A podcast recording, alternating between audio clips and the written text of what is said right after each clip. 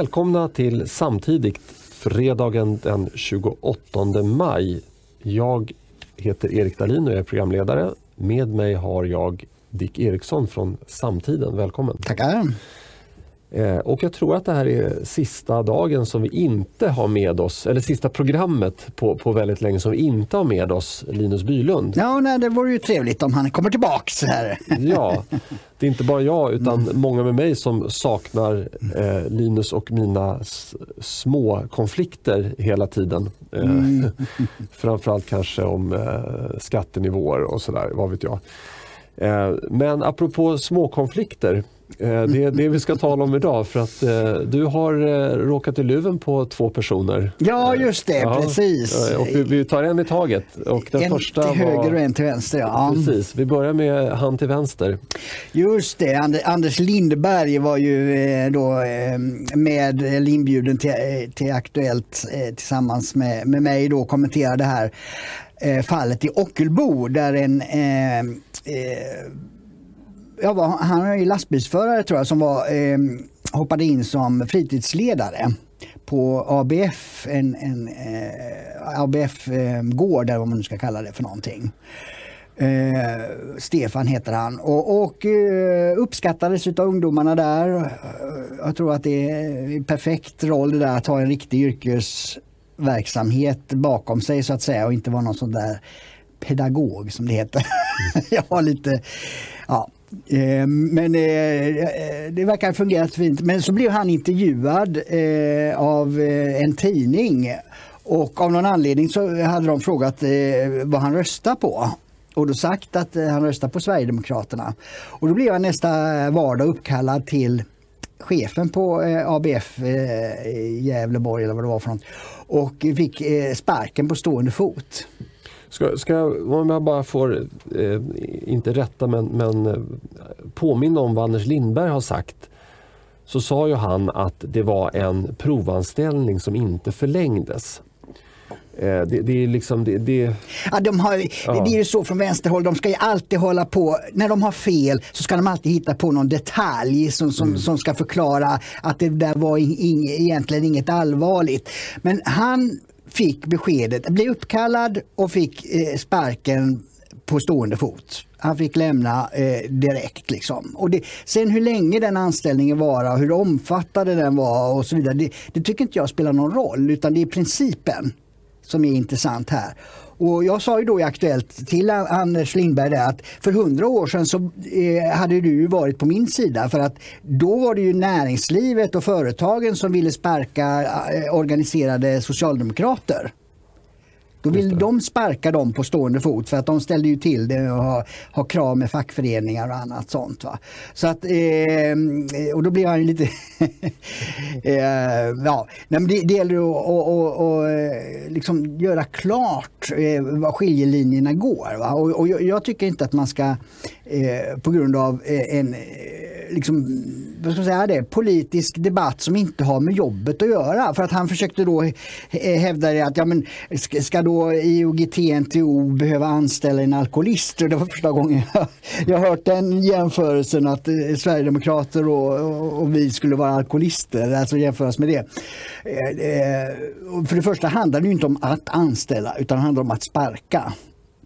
Och, eh, och sen så är det just eh, eh det här med, med, arbetsrätten och kopplat då till eh, en politisk värdering vad man röstar på. Det har liksom ingenting med, jag fick gå tillbaka till det flera gånger i Aktuellt och säga, att men det handlar om en fritidsledare. Det handlar inte om att, för han börjar prata om att oh, ska man då behöva alkoholister i styrelsen och, och sånt där. Och det, det, det, är liksom inte det det handlar om. Det handlar inte om att, att den här Stefan skulle företräda eh, ABF i, i, några sammanhang. Utan han var fritidsledare, utförde ett uppdrag som uppenbarligen alla var nöjda med. Och, och då, då, blir det problem för, för, för sossarna ju, när, när det är eh, vår sida som, som, som står upp för anställningstryggheten. mm.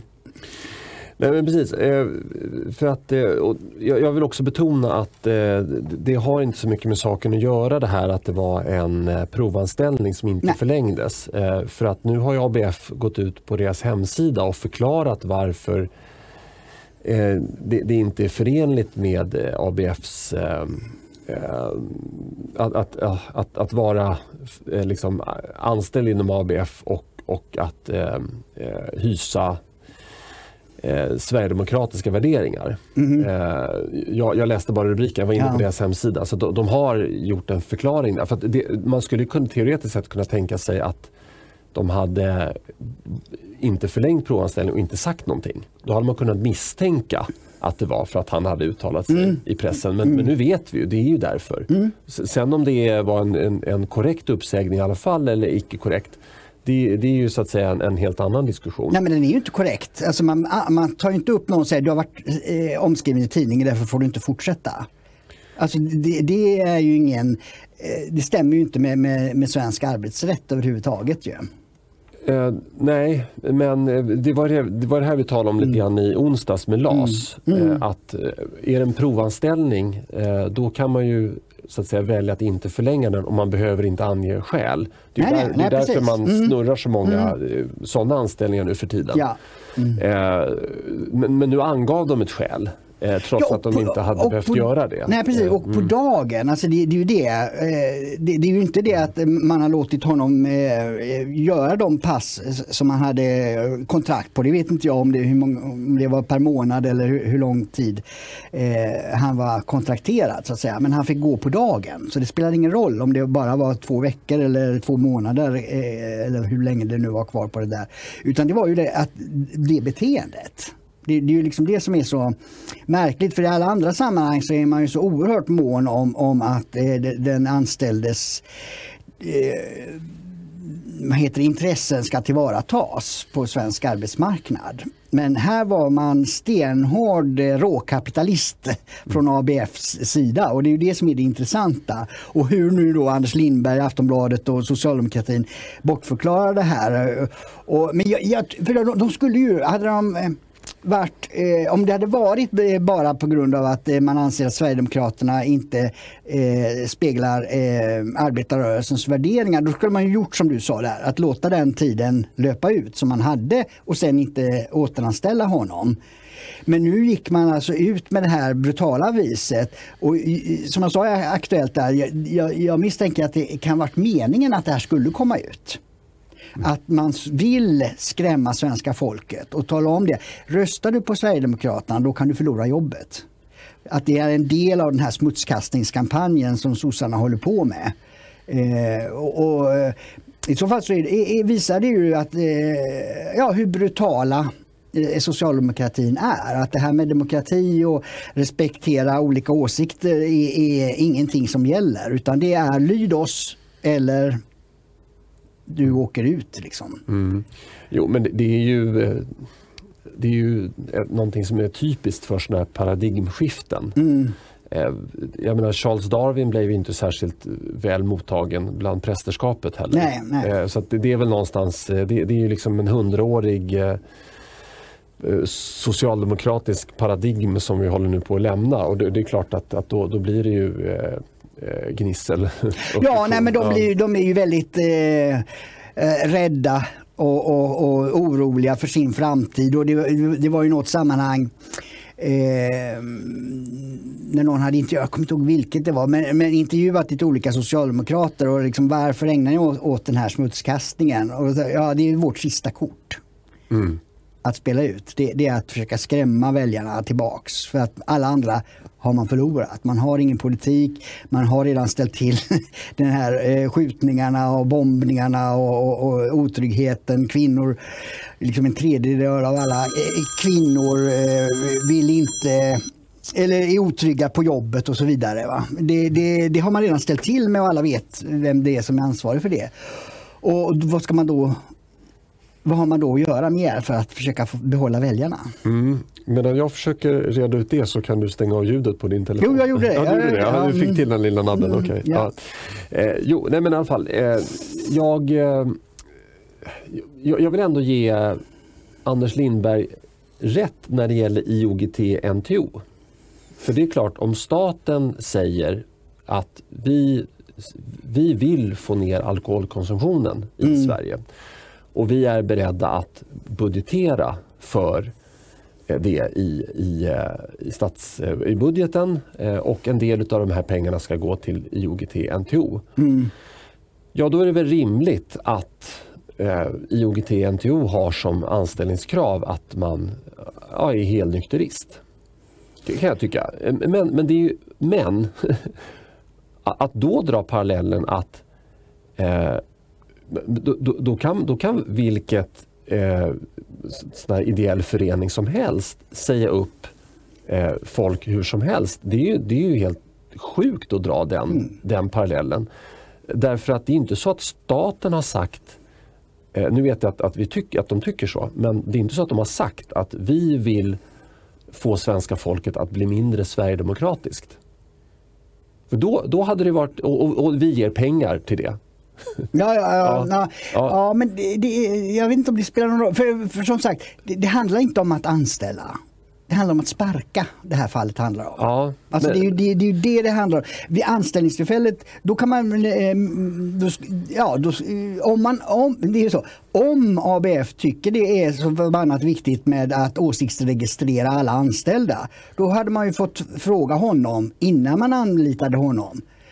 Att du, du röstar väl på Socialdemokraterna? Mm. För helvete, annars kan mm. du dra. Mm. Det, men det gjorde de ju uppenbarligen inte. Utan det var hans erfarenhet och hans intresse av att, att eh, hjälpa till på, som fritidsledare.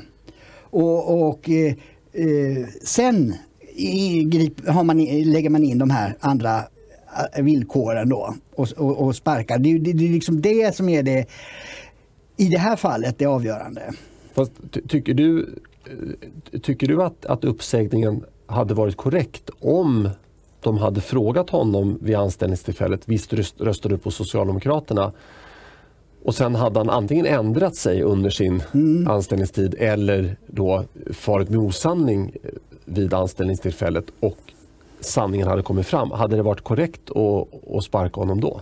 Ja, alltså, hela det här perspektivet att blanda in vad man röstar på visar ju att det är, ligger en totalitär tanke bakom. För det, det blir just de följdresonemangen om man vid anställningstillfället eh, då, eh, tar upp de här aspekterna. Så visar ju på att det är det det är. Det är det sossarna är ute efter. De vill skapa ett DDR där det är åsiktsförtryck eh, och, och liksom, håller du inte till det, det rätta partiet så, så blir du drabbad.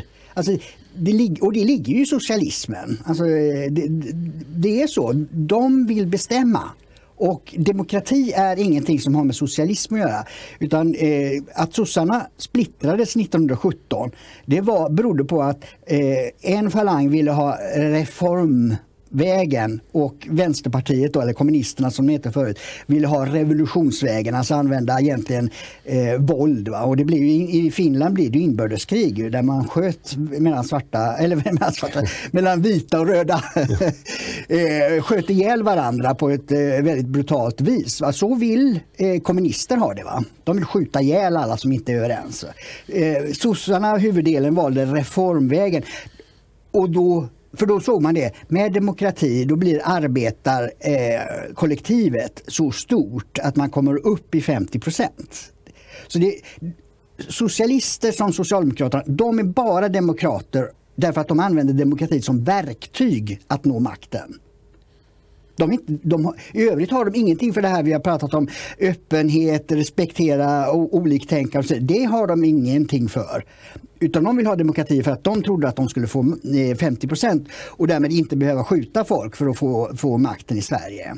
Nu visar det sig det att det, det var svårare att nå 50 procent än vad, vad, de trodde eftersom många i arbetarklassen inte röstar på socialdemokratin. Så de nådde ju ja, några enstaka gånger men det, det, det, var ju inte alls lika lätt som de hade trott att, att gå den demokratiska vägen. Så man måste ha det i tanken att socialismen innehåller totalitära drag där man ska klubba dit de som inte tycker likadant eller sparka. Jo, men, och det, det är, jag, jag, jag, jag håller helt med dig eh, att, att det finns de dragen och det var just det också jag försökte påvisa därför att Anders Lindberg han likställer ju bekämpandet av alkoholism ja. Med bekämpandet ja. av SD. Ja, exakt. Mm. Eh, och, och, det är det här jag inte förstår att han själv inte förstår. Att att I hans värld är, är, det, är det lika självklart att staten ska ge pengar till ja, återigen då, bekämpandet av alkoholist som till bekämpandet av, av åsikter. Mm. Eh, och att inte någon journalist drar ner brallorna på honom, det, mm. det, det är förvånansvärt. Eh, men i alla fall, jag, jag, jag kan tycka då att eh, jag, jag började gräva lite grann i den här Folkbildningsrådet för att det finns ju då tio statsbidragsberättigade studieförbund ja. i Sverige. Mm. ABF är ett utav dem och Ibn Rushd är ett annat. Ja.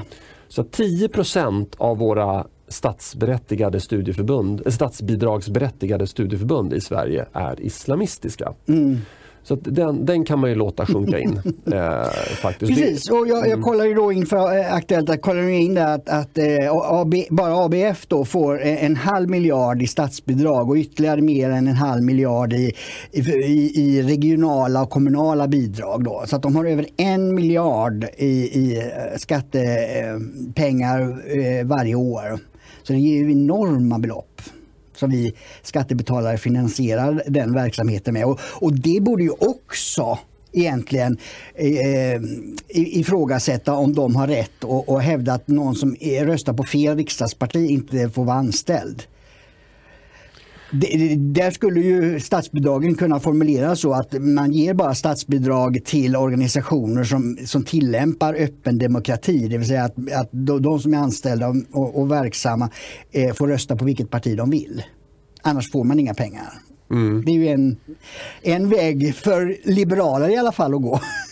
ja, nej men det, absolut eh, är det så. och eh, det, det, det, är ju, det är ju självklart, annars så tycker jag att, att eh, de inte... Visst, alltså, om, om, om jag startar en, en eh, ideell förening för lägre skatt.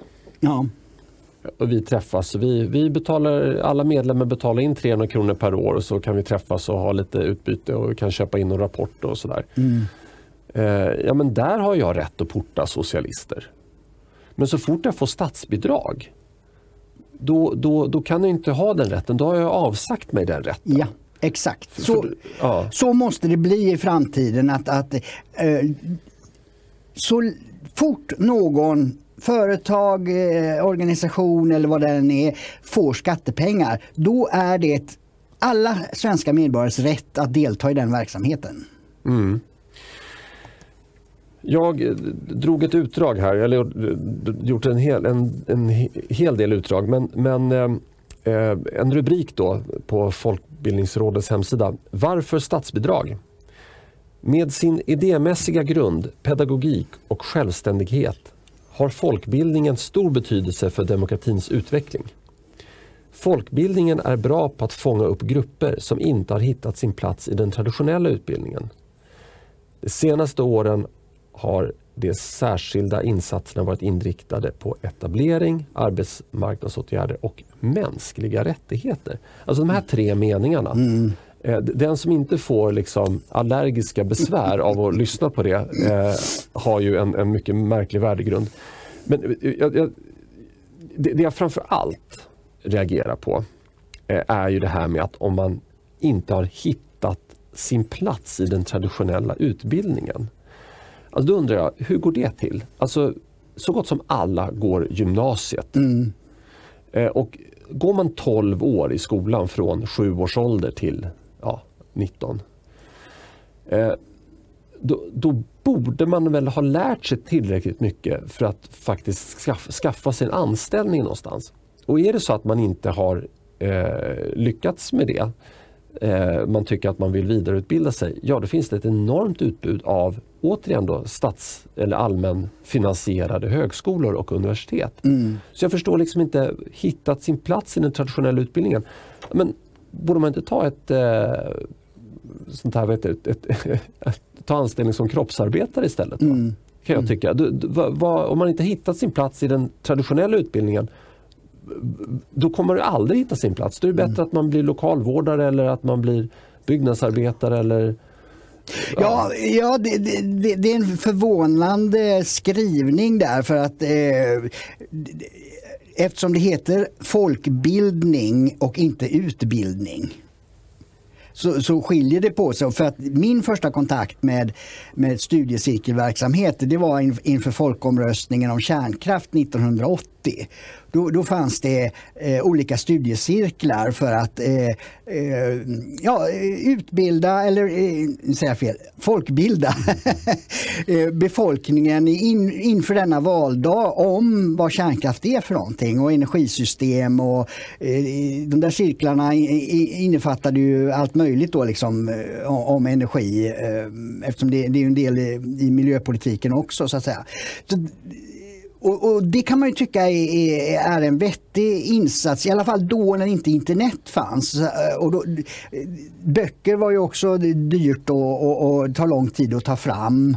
Så det hinner man liksom inte producera in, in, kanske inför en folkomröstning. Och så, så att, på den tiden, eh, före internet, så, så fyllde ju, eh, studieförbunden och, och studiecirklar en, en roll vid sidan om eh, vad heter det, universitet och, och gymnasier och den här formella utbildningen eh, för att just eh, folk som har vanliga arbeten på, på dagarna kan gå eh, de här studiecirklarna på, på kvällar. Eh, men den funktionen tycker jag har eh, försvunnit nu i och med att vi har internet. Vi, vi har väldigt snabb eh, information och vi kan få veta väldigt mycket ganska enkelt.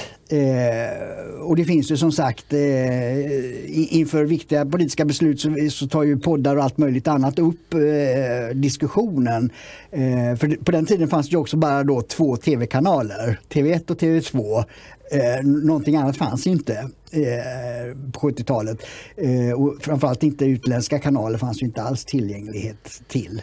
Så att eh, Förr Eh, så hade studieförbunden en viktig roll att, fylla och då kunde också kroppsarbetare gå på studiecirklar efter jobbet. Så att säga. För man hade inte råd att studera utan man gick eh, efter sjuårig folkskola gick man ut i arbetslivet och, vill man bilda sig då, då, då var ju studiecirklar ett bra alternativ.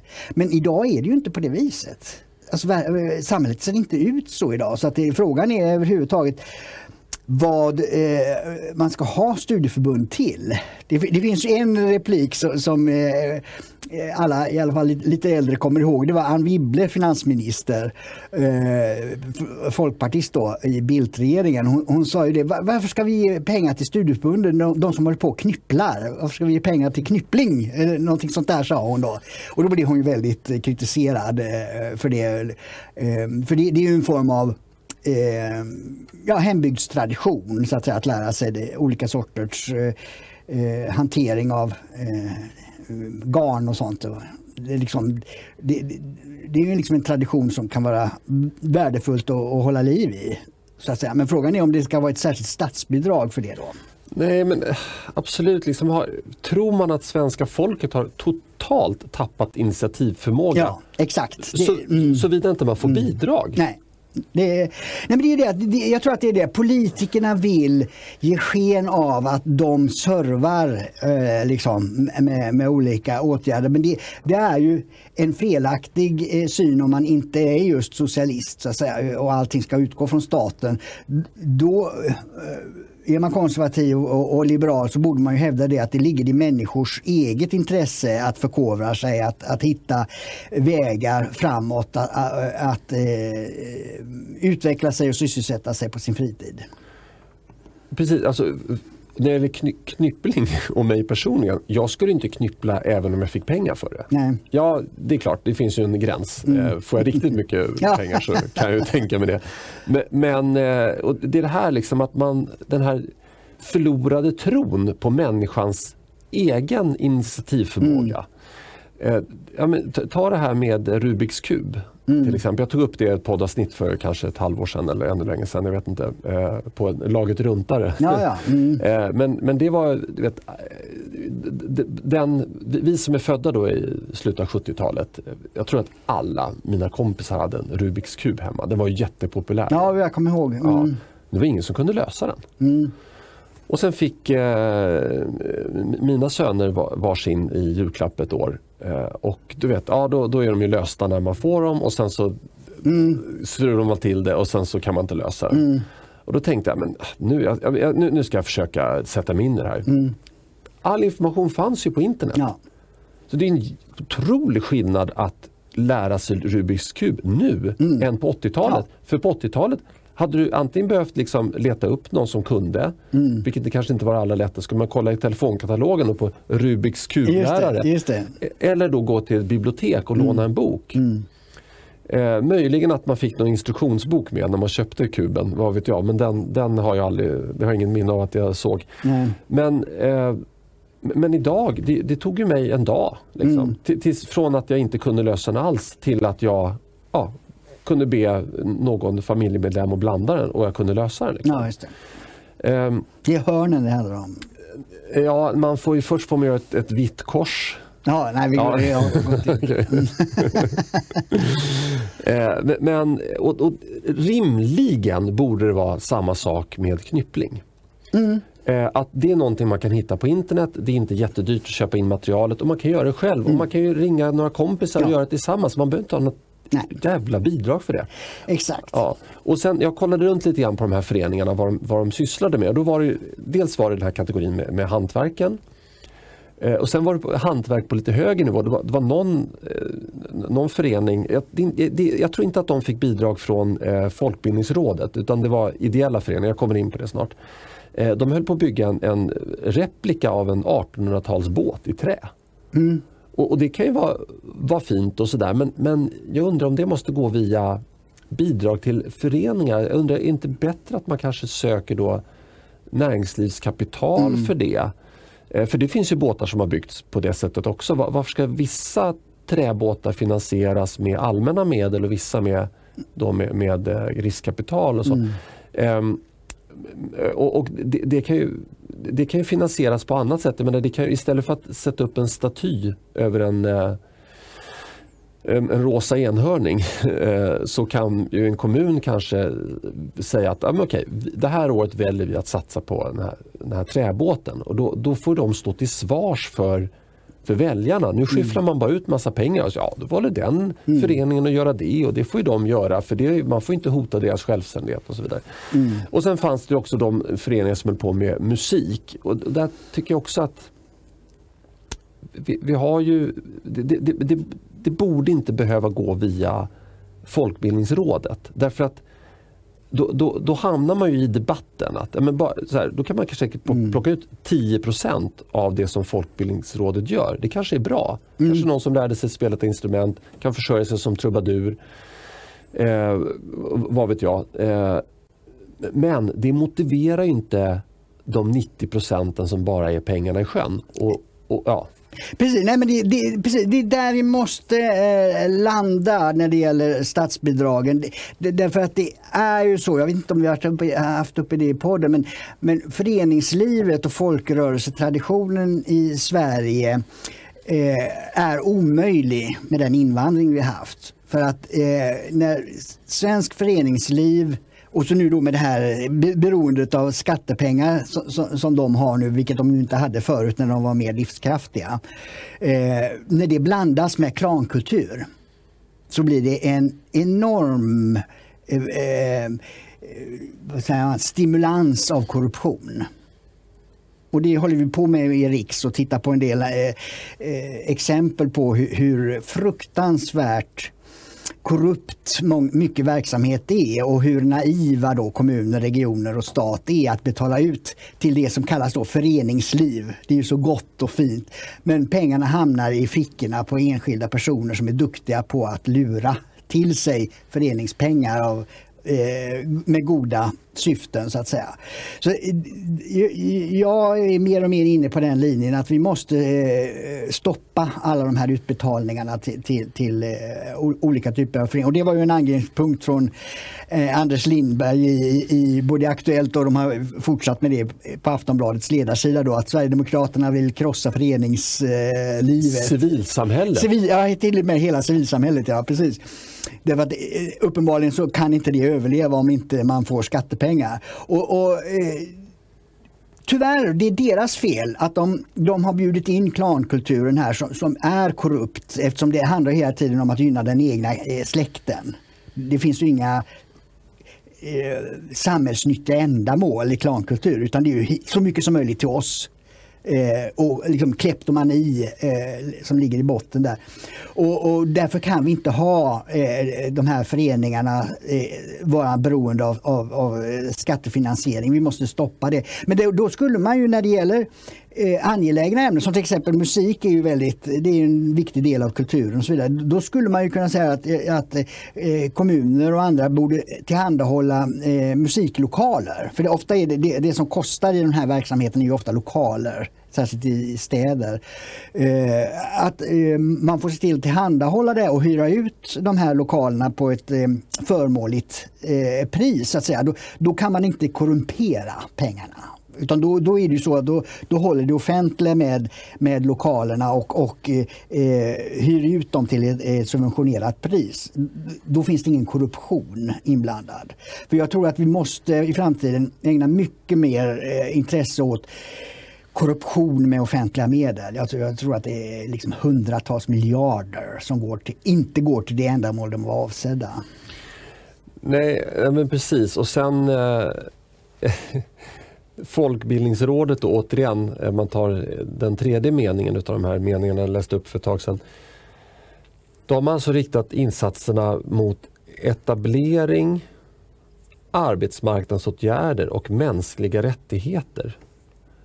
Vad, vad, har någonting av det här med folkbildning att göra? Nej, mänskliga rättigheter det, det är ju för att eh, säga att eh, de som har eh, invandrat från andra länder ska eh, ha lika stor rätt som svenskar så att säga. Det, det, det, det är väl det som ligger bakom där.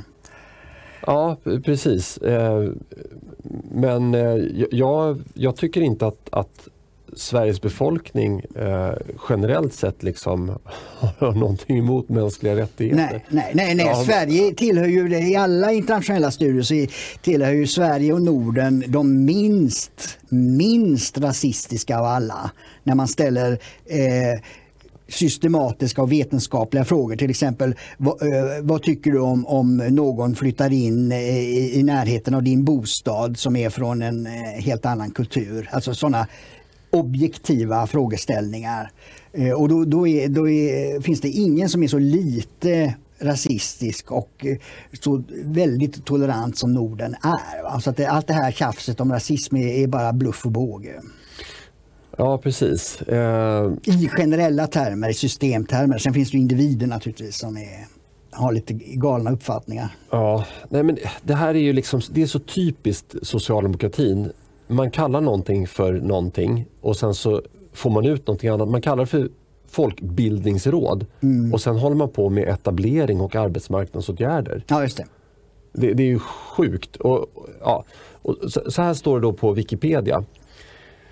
Folkbildningsrådet bildades år 1991 i samband med kommunaliseringen av skolan i Sverige.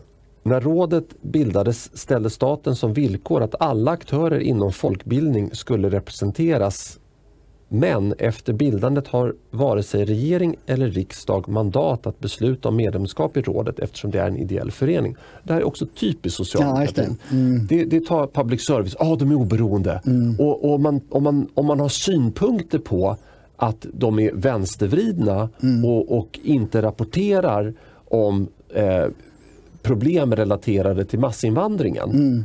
Och att man då inte vill eh, finansiera verksamheten via skattsedeln, då är man inte demokratisk längre. Mm. Och, och, och, de är ju helt oberoende. De, de, nej, de är inte oberoende för att det är ett faktum att det sitter bara socialister i ledningen ja. som i sin tur ser till att eh, public service förblir socialistiskt. Och det är en så subkultur här där, där, där, eh, liksom det, där den socialdemokratiska staten samverkar med en korporativistisk tanke. Eh, och, och, och, det blir ju fel i, i båda ledder. Va? Ja. Och eh, det här då, här har man ju också gjort jättefinurligt för då är det de här tio Eh, som jag läste upp. Jag läste inte upp alla tio men det, det är ABF och det är Ibn Rushd och det är nykterhetsrörelsens bildningsverksamhet och det är studieförbundet Bilda och eh, studieförbundet ja. Vuxenskola. De är ju cementerade där. Ja. Så att, att, att det skulle, säg att det skulle komma in liksom en, en tydlig sverigedemokratisk förening och vilja ingå bland de här tio. Och blir den elfte då, det, det skulle vara direkt eh, kalla handen. Ja, jo, precis, Eh, och då, då, då har man sett till att de här tio, de är, de är superröda allihopa. Och förlåt, islamistiska också, jag vet inte vad det är för färg. Nej, just det. Och så liberala då. Eh, Och, och liberal. Vänsterliberala. Ja, Mm. vänsterliberal, precis. Och då sen säger man så här, nej men riksdag och regering, vi har ingenting med det här, vi. Mm. vi kan inte påverka det. Ja, men vet du vad vi kan påverka? Vi kan faktiskt dra in stödet Ja. för hela Folkbildningsrådet. Mm. Och då kommer svenska skattebetalare att spara 4,6 miljarder per år. Mm. Och vi kommer inte få någon sämre nytta. Alltså nyttan vi får ut av, de utav eh, det här Folkbildningsrådet, den skulle jag kunna säga är exakt noll. För att man kan, med lite initiativförmåga så kan man faktiskt tillskansa sig samma kunskaper eh, på annat håll eh, utan att det kostar skattebetalarna en massa pengar. Ja. Sen har vi så här också då, eh, för att eh, försöka bilda vår eh, eh, tittar och lyssnarskara. Vi har något som heter ideella föreningar som står utanför eh, Folkbildningsrådet. Då. De flesta kommuner ger ekonomiska bidrag till ideella föreningar som bedriver verksamhet inom kommunen. Oftast prioriteras verksamhet för vissa grupper, till exempel barn och ungdomar.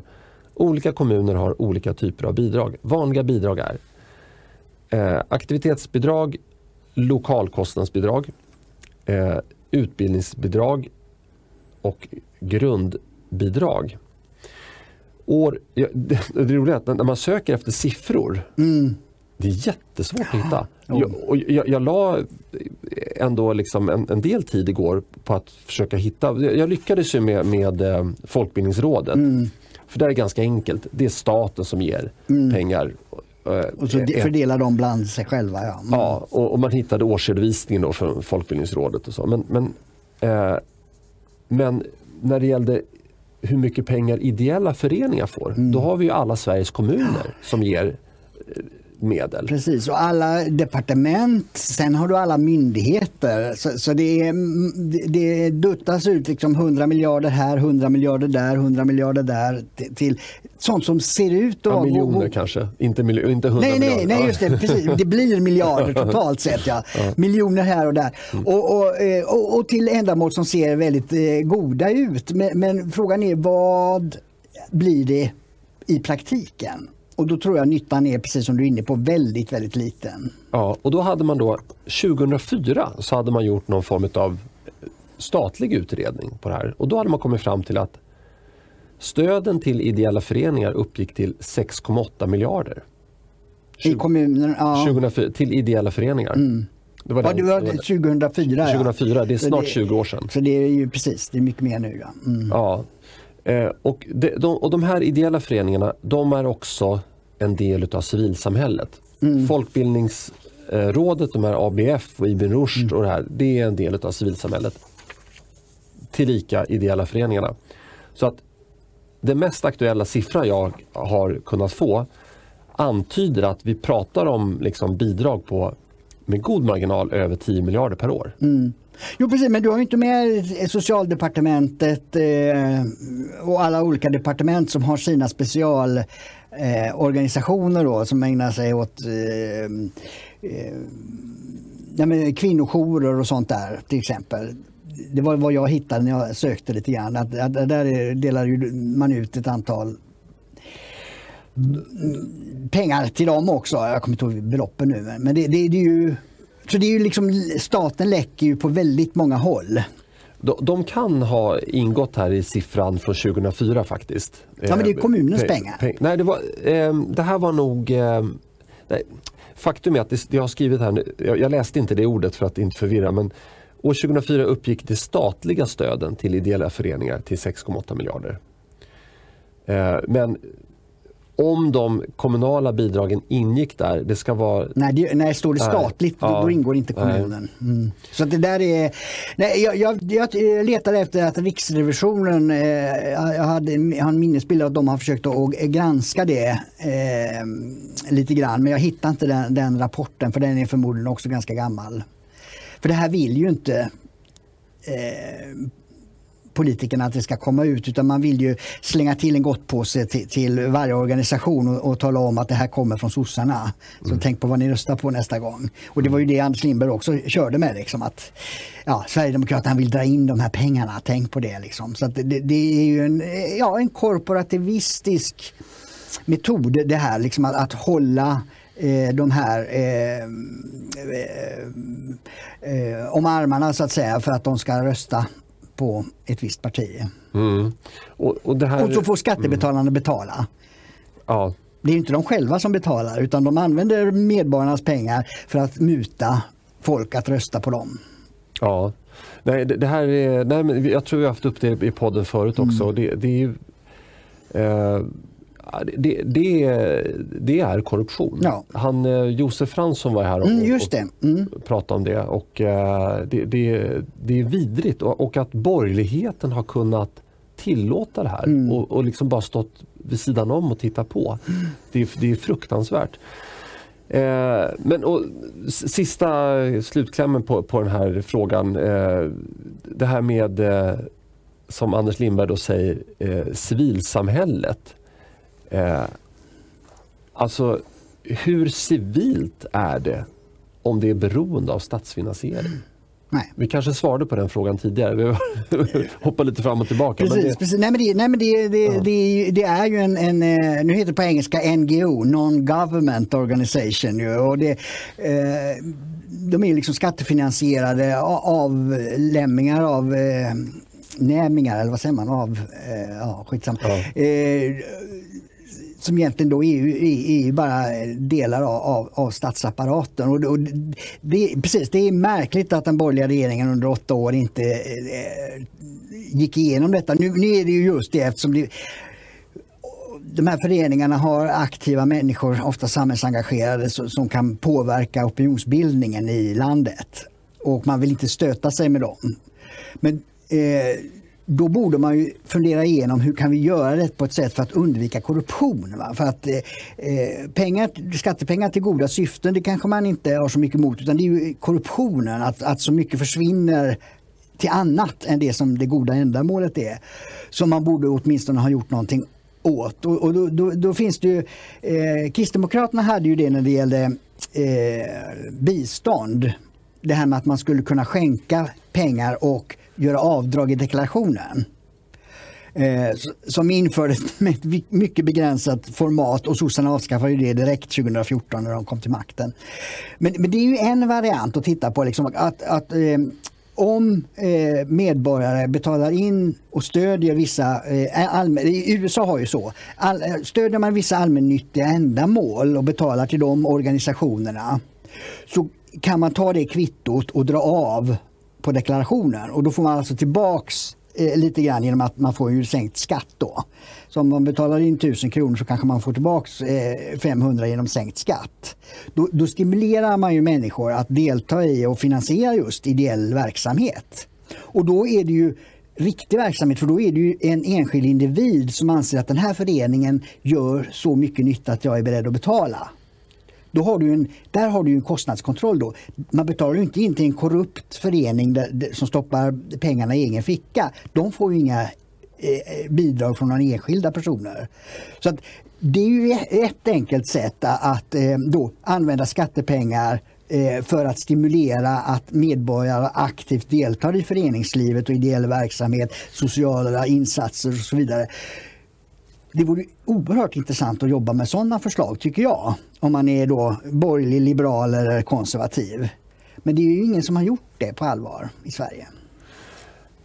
Nej, och, och där, eh, den diskussionen poppar upp lite då och då. Mm. Eh, och, och då landar det alltid i att eh, socialdemokrater och socialister de anser ju att staten vet mycket bättre Exakt. än den enskilda ja. människan. Och jag skulle vilja säga att det är, det är precis tvärtom. Mm. Alltså det är ju, eh, vi skulle, skulle vi till exempel ha en privatfinansierad brandkår mm. så tror jag att den skulle vara eh, mycket effektivare. Men det är bara det, vi kan inte ha det. Mm. Det går inte. Mm. Och det är vissa sådana grejer i samhället. Vi kan liksom inte ha att, att familjen Karlsson äger 200 meter av den, den vägsträckan mm. och sen så kommer nästa familj och äger. Och så, mm. Det är vissa grejer som staten måste ja, hantera. Ja, precis, infrastruktur och beredskap är ju de två grejerna du varit inne på nu. Det, ja. det måste finnas så att säga. Mm. Ja. Men eh, det som eh, civilsamhället så att säga, mm. kan sköta själv bör ju civilsamhället sköta själv också mm. för att det blir mycket effektivare. Mm. Så fort pengarna går via stat eller kommun eller, eller region då blir det välfärdsförluster. Mm. Fick jag lära mig på ekonomlinjen. Ja.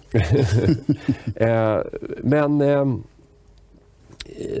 Ja, nu tappade jag tråden. Det är kanske lika bra för vi kanske ska byta ämne. Ja, men, men det här är i alla fall eh, väldigt eh, intressant och eh, jag kan nämna det på slutet också bara här att eh, Tobias Andersson, Sverigedemokraterna, mm. Han har ju då eh, skrivit ett par motioner, två stycken, eh, till riksdagen om, eh, om folkbildning och eh, i en av dem så ville han att eh, Folkbildningsrådets verksamhet skulle utredas mm. se hur mycket nytta det ger. Ja, just det. Mm. Men mig veteligen så, så röstades det ner. Ja. Det säger rätt mycket om att man, man är man fattar det här. Man fattar mm. att det är inte värt ett jäkla skit. Mm. Men eh, man eh, vill, och det är därför man inte vill, vill redovisa nyttan. Nej.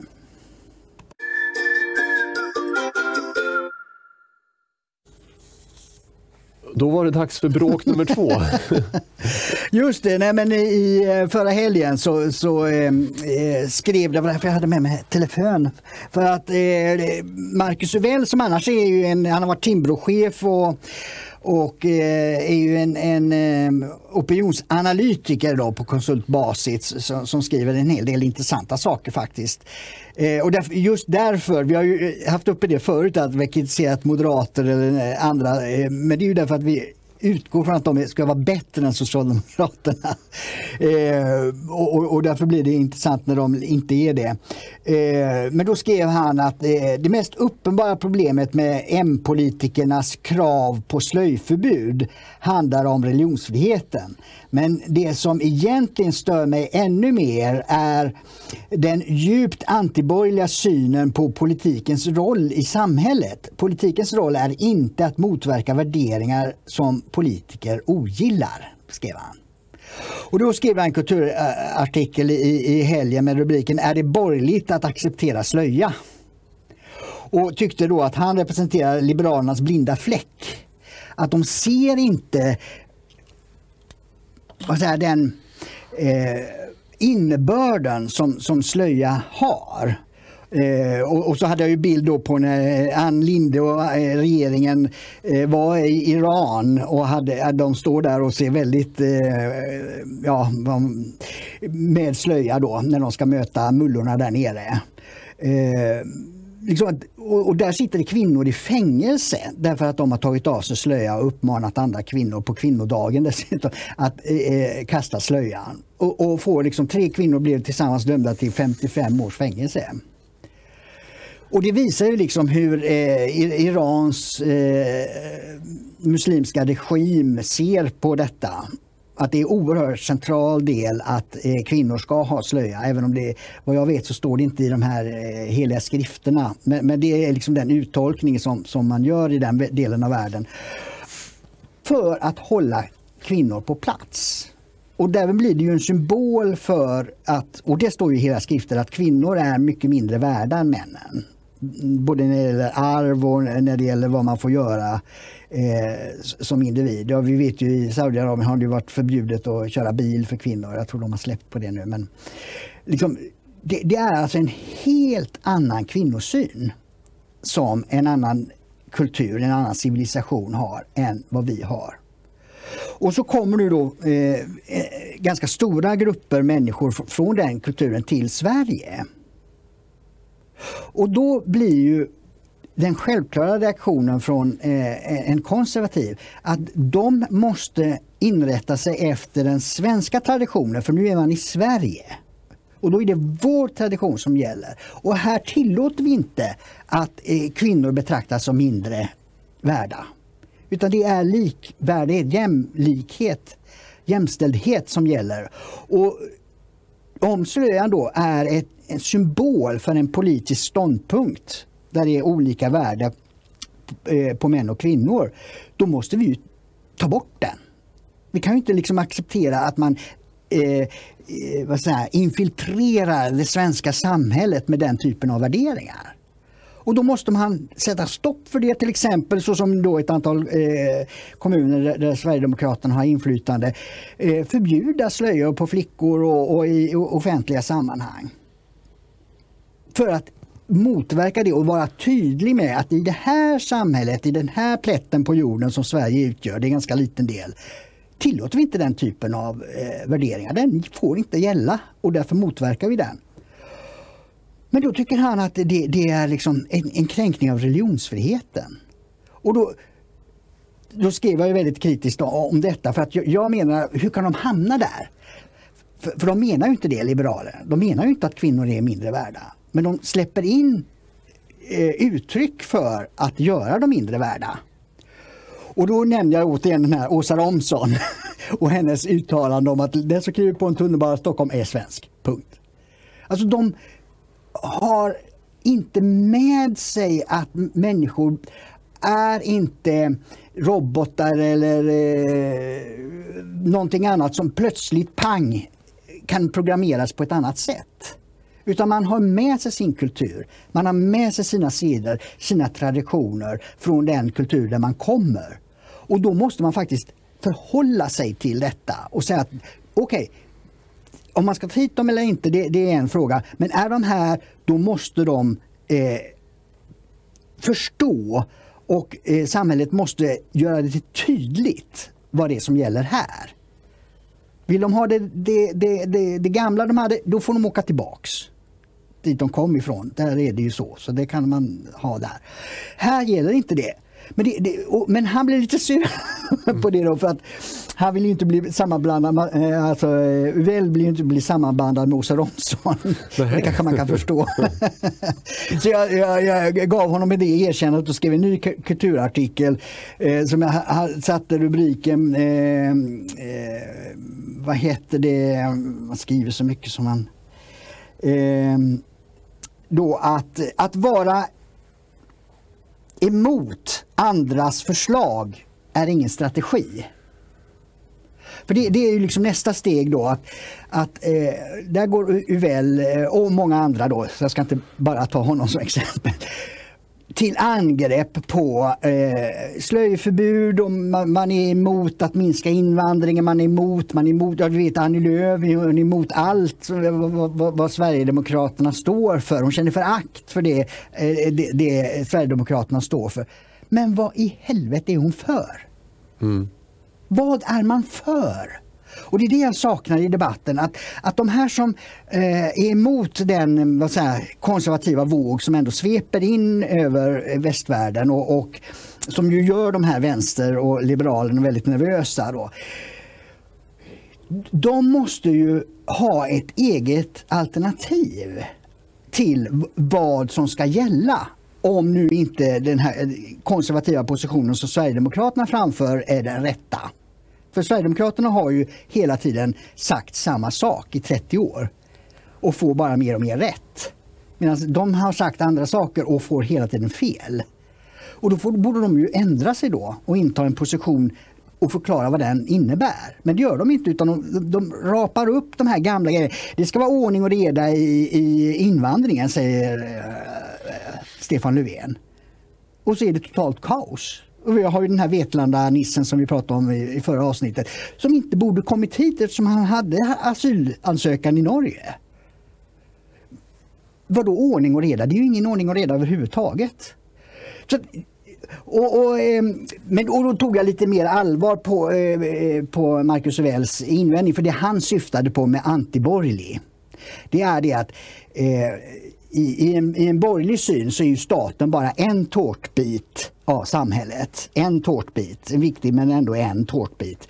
Sen har du civilsamhälle och du har alla andra delar och du har eh, religionen och du har eh, näringslivet och så vidare. Och, eh, han hänvisar då till till exempel Max Weber, då, en tysk sociolog, som eh, pekade på det att, att eh, näringslivet eh, och marknadsekonomin har en logik med konkurrens. Och den ska naturligtvis inte gälla i kyrkan, i religionen. Och den ska inte heller gälla i demokratin. Men demokratin ska heller inte bestämma över näringslivet. Utan det här är olika delar med olika logiker inbyggda i sig.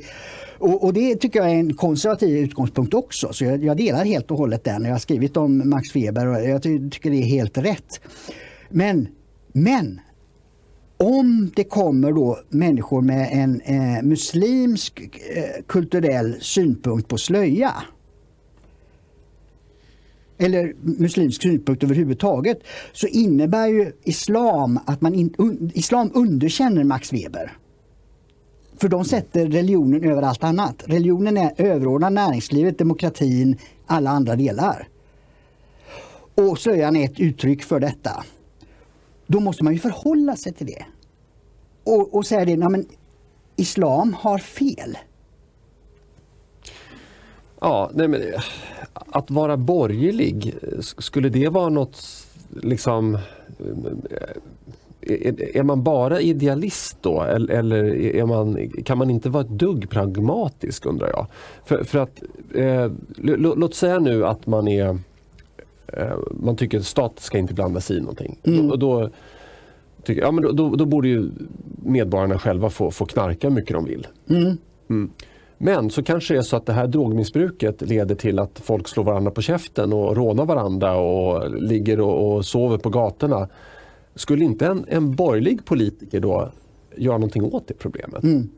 Jo, men då får man ju liksom kliva ur sin eh, ideologiska överrock eh, och så får man vara lite pragmatisk. Mm. Och Det är samma sak med islam. Jag tycker att Sverige har blivit ett sämre samhälle sedan islam gjorde intåg i, i, i, den, i den svenska offentligheten. Mm. Det har ingenting att göra med att jag inte tycker att muslimer kan komma till Sverige eller så. Det kan de mycket väl göra. Mm. Jag, nu ska man ta en anekdotisk... Jag åkte taxi en gång. Nej, jag. Nej, men jag, jag kände faktiskt en, en, um, vi umgås lite grann med en, med en uh, muslimsk uh, sekulär. Mm. Jag, jag, har inga problem alls med, med, med vad de håller på med. Jag, jag, jag, skulle inte fira de högtider som de gör men de håller det liksom, precis som jag firar jul i mitt hem. Mm. Jag går inte ut med med en julgran eh, på stan demonstrativt. Jag mm. lägger den på, på taket på bilen som åker hem. Men jag har mm. liksom, det, det, det, liksom, det är ingenting som jag har något behov av att sprida till offentligheten. Det är min, mm. det är min ensak. Liksom. Men, men slöjan helt plötsligt, det är ju en symbol som man visar upp i mm. offentligheten. Ja. Eh, och jag tycker att det, det finns också eh, en parameter i det här, nämligen att, att eh, det, alltså, slöjan är en symbol för kritik mot väst, västerlandet. Det är inte så att kanske 100% av alla som bär slöjan är eh, 100% kritiska mot västerländsk kultur.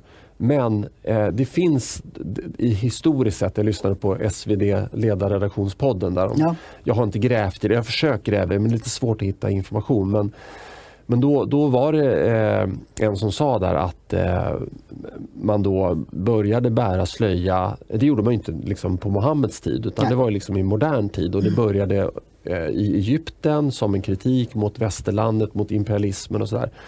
Det tycker jag kan vara lite stötande att vi, vi välkomnar människor hit, vi försörjer dem och så går de runt med en symbol som är en kritik ja. för de som precis har liksom, eh, givit dem mat och husrum. Eh, så det, det, kan jag tycka är extremt stötande om det nu är så. Sen en annan sak är det att alla som har slöja är inte islamister. Nej. Men alla islamister bär slöja. Du mm. hittar liksom inte en, en ja, I så fall kan man räkna dem på en, en mm. handens fingrar. Men det finns inga islamistiska kvinnor som inte bär slöja. Mm. Och, och, Det tycker jag är, är en, en, väldigt eh, viktig parameter i det här också. Liksom. Vill vi vill vi ha den typen av symbol i, i vårt svenska samhälle? Eh, och då, då, kan ju, då kan ju liksom eh, slutsatsen vara att nej, men vi kan inte liksom gå fram till folk och, och handgripligen ta av dem slöjan. Mm. Nej, men om vi inte kan det, då borde vi i alla fall sätta stopp för den här typen av invandring. Alltså ja, dels, 100%. Ja, ja. Dels, dels det och så, sen så måste vi då, eftersom vi är en rättsstat så, så, så kan vi absolut inte göra det du sa. Liksom. Det, det går inte och, och, och det, det, är naturligtvis vidrigt med de som håller på och, och jag har sett liksom, drar i slöja och sådär, köer och sånt där. Alltså det, det är ju mm. helt förkastligt.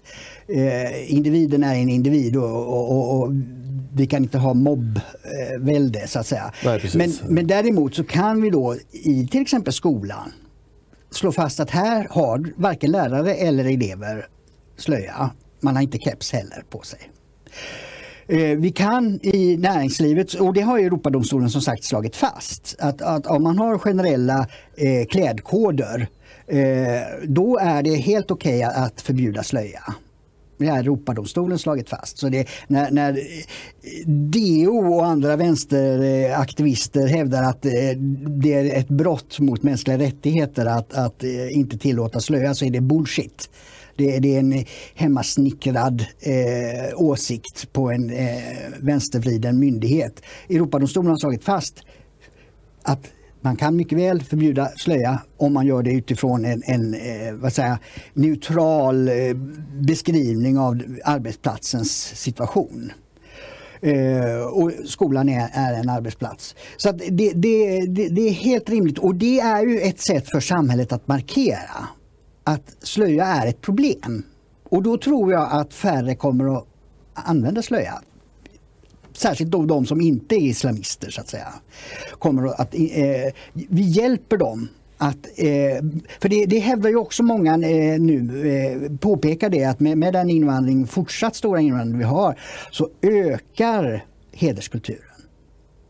Förtrycket av unga kvinnor och även del, en del unga män eh, ökar i Sverige. Därför att den här diasporan, gruppen blir större och då är det lättare att upprätthålla det gamla förtrycket. Och svensk polis har ju ingenting att säga till om i de här förorterna.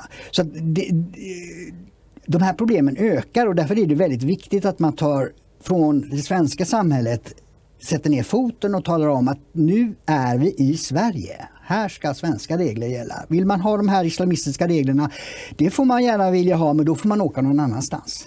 Jag förstår mm. inte varför det ska vara så svårt att säga. Nej, och jag, men jag, jag, jag, förstår ju de borgerliga och, och Marcus Huvell här någonstans för att eh, i, i, i den bästa av världar så eh, så skulle ju inte staten lägga sig i Nej. ens religion. Och det, det, finns ju djupa rötter i det här. Det var liksom religionsfriheten mm. Eh, och, och frikyrkorörelsen. Mm. Eh, det var ju frikyrkliga som behövde fly Sverige. Just det, man, ja. den, den, den, främsta anledningen till att europeer flydde till USA och utgör fortfarande den stora, eh, största gruppen av amerikaner är ju europeer som har flytt på grund av att de har varit religiöst förtryckta av då en annan falang av kristendomen. Mm. Så att jag, jag, jag förstår historiken i det här. Eh, men eh, och, och, den här liksom, religionsfriheten och, och liksom verkligen skilja kyrka från stat och så där, det hade ju fungerat om vi inte hade haft den här massinvandringen. Mm. Eh, jag, jag, kom osökt att tänka på public service där man då eh, har, man har lyckats hålla public service vänsterliberalt i, i många, många decennier. Mm. Men det är för att man har varit väldigt noga med vem man har anställt. Mm. Man har ju, man har ju liksom sett till att man inte har anställt folk som har haft annan värdegrund. Mm. Och då går det här att upprätthålla. Mm.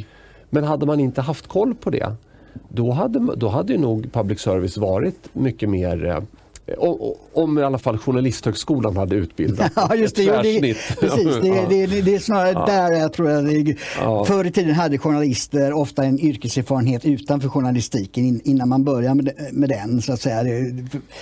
För förr krävdes viss kunskap.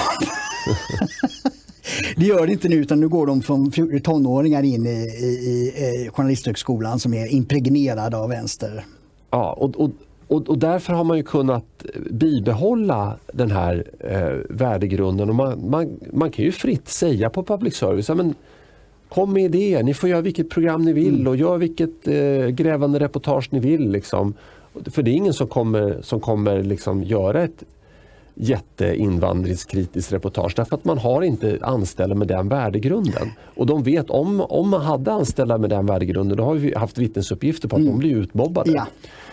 Eh, och, och, på samma sätt så hade det varit väldigt enkelt att på 50-60-talet i Sverige säga att gå med slöja helt fritt, mm. tillbed Mohammed, fasta på Ramadan, inga problem. Mm. Eh, bygg moské, framförallt bygg moskéer mm. om ni vill. Mm. Det är helt fritt, ni får mm. bygga hur mycket moskéer ni vill. Det är inga problem, men nu idag är det ett problem. Ja. Det, precis, och det, ja. det är det jag tycker är så Eh, ja, det, det, är liksom kärnan i kritiken mot eh, ja, allianspartierna då, som styrde i åtta år ändå från 2006 till 2014 och är, har ett stort ansvar i, i hur Sverige ser ut nu. Eh, och att de inte har lärt sig mera av det. Man är ju inne, särskilt Moderaterna, på, på att kriminalpolitiken måste stärkas eh, och, och, och, skärpas. Men, men, men eh, Marcus Uvells eh, Twitterinlägg där visar att när det gäller de här kulturella aspekterna så är man fortfarande inne i någon sorts Törnrosasömn och att, att allting är som det var i, i Sverige på 50-talet även om vi har haft den här eh, invandringen. Och det, så de lever lik, liksom i, en fantasivärld. Det, det, roliga var att jag, jag har haft två dispyter med eh, den gode Marcus också. Ja. Eh, och, och jag, jag, vill, innan jag nämner dem så måste jag säga det att eh, han är en intellektuellt eh, rakryggad individ. Jag, jag gillar honom skarpt, även om jag inte delar hans eh, mm. åsikter alla gånger. Jag läste hans bok också, eh, vad heter den nu då? färger med svensk eh, flagga. Ja, just det, med värderingsförändringar, eh, förskjutningar i Sverige och så. Ja, ja mm. precis. precis. Så den, eh, den, den kan jag rekommendera. Den, den, var, den var väldigt intressant. Ah, nu kommer jag inte ihåg vad den hette. Strunt samma. Eh, men i alla fall, eh, först hade jag en diskussion eh, med honom på Facebook om sockerkonsumtion. Ja, ja. Huruvida mm. det var nyttigt eller farligt. Mm. Och, och, han var orubblig där. Han, han, tyckte inte att det var något farligt med socker. Medan jag ja, tyckte annorlunda. ja, nu, nu, ska jag inte tillskriva honom några uppfattningar här. Jag, jag, jag, ska säga så här, han tyckte det var mindre farligt med socker än vad jag tycker att det är. Mm. Och, och det, var, det gick inte att rubba hans position där. Eh, och sen så eh, skrev jag på Twitter för ett tag sedan någonting om att jag drog upp något exempel som Moderaterna hade gjort och så, och så skrev jag någonting typ att eh, därmed eh, kan tyckas att eh, Moderaterna inte rört sig en millimeter sedan mm. Reinfeldt. Jag, jag, jag kommer inte ihåg exakt vad jag skrev mm. men det var någonting, det var inte så att jag 100% skrev att man inte rört sig en millimeter mm. utan det bara liksom att det kan ju då upplevas som det. Eh, och, och det, det gillar inte för att, eh, det gillade han inte därför att han menar på att Moderaterna har ju rört sig jättelångt eh, från eh, Reinfeldt. Och det har man kanske gjort med olika inriktningsbeslut. Men, men problemet är bara det att det kanske inte riktigt eh, har spritt sig ut i organisationen. Nej, titta på Stockholmsmoderaterna. Ja, jag, jag tar precis, alltid ja. upp det. Stockholmsmoderaterna låter ju som miljöpartister. Mm. Det, alltså, jag har svårt att, att skilja en Stockholmsmoderat från en miljöpartist. Och tills dess att Moderaternas... Eh, och, och, Stockholm är ju inte... Det är ju i och för sig en lokal eh, kommunal verksamhet då, Stockholms stad. Men, men det är ju Sveriges huvudstad och det, det är där Moderaterna traditionellt har varit starkast. Så att vad, vad, hur Moderaterna i Stockholms stad agerar är en väldigt viktig indikator på vad Moderaterna är för typ av parti. Mm. Och de låter som miljöpartister fortfarande, trots att Reinfeldt avgick för eh, vad det nu är, sex år sedan. Eh, så, så tycker jag att Moderaterna i Stockholms stad är Reinfeldt-ister, eller hur man nu ska uttrycka det. Mm. och då minskar ju trovärdigheten i, i, i, hur långt Moderaterna på riksplanet orkar förändra sig. Ja, och, jag skulle ändå säga att eh, Marcus är en, en, typisk moderat. Jag ska inte smeta några etiketter på honom mm. så, men jag, jag, tror att han i något läge har kanske, han har ju varit med i MUF. Ja, är jag ganska säker på. Ja. Så han, han, har ju lite vänner därifrån, eh, vet jag. Men, så jag, jag, vet inte var, var, han står idag, men, men eh, strunt i Marcus då. En, en, en person som, som har de här uppfattningarna att eh, man ska liksom, religionsfriheten är totalt eh, oruckbar. Mm. Eh, det, är, det, är, det är många moderater som, som har de uppfattningarna. Mm. Och har man det Eh, ja, då, då rimmar ju det. Eh, alltså, då har man ju kanske inte rört sig ideologiskt sett så himla långt ifrån Reinfeldt ändå. Så att det är det här liksom att min misstanke är att om Moderaterna fick styra och ställa helt själva eh, då, då kanske de inte skulle eh, det, det kanske inte skulle bli så stram migrationspolitik. Därför att man har väldigt många människor som, som är liksom, ja, nyliberala. Ja, eh, precis. Men, men, ja, att man inte har tagit in det här perspektivet att religionsfrihet är en sak om befolkningen har västerländska värderingar. Mm. Då är det inga problem. Utan det är ju när man har en, en, en, nu är det väl 25 procent av Sveriges befolkning som har utländsk bakgrund. Alla kommer inte från muslimska länder men, men ändå, det, det, det är från and, andra kulturer. Om man då pratar om, om, religionsfrihet när det är en religion som är imperialistisk och som anser att allt annat är underställt religionen, då blir det problem.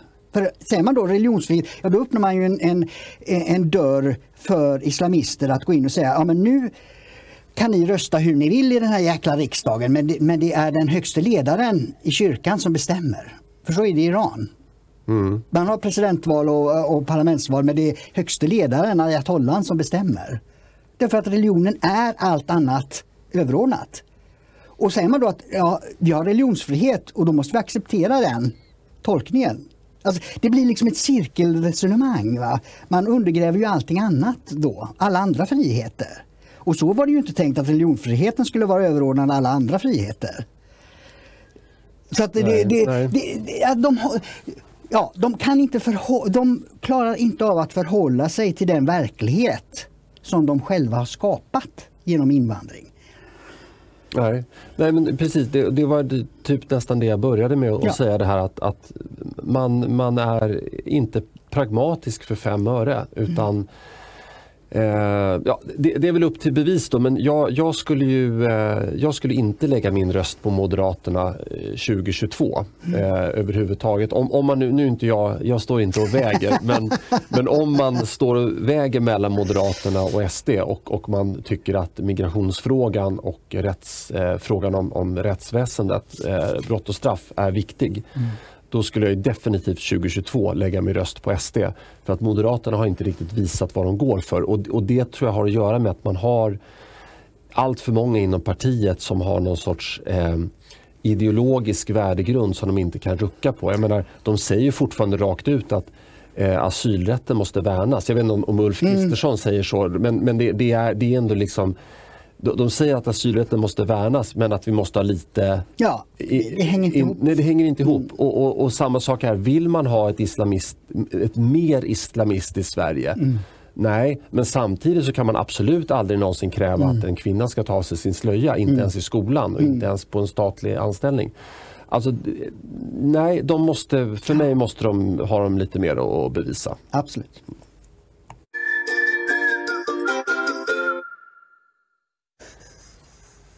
Det var allt för denna fredag och för denna vecka faktiskt. Just det. Eh, två avsnitt även den här veckan och det var avsnitt nummer 150 ja, ja. faktiskt, som okay. vi precis har mm. avslutat.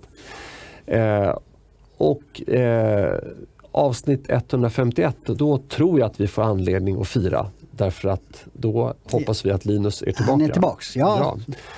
Men tills dess så önskar vi en trevlig helg. Hej!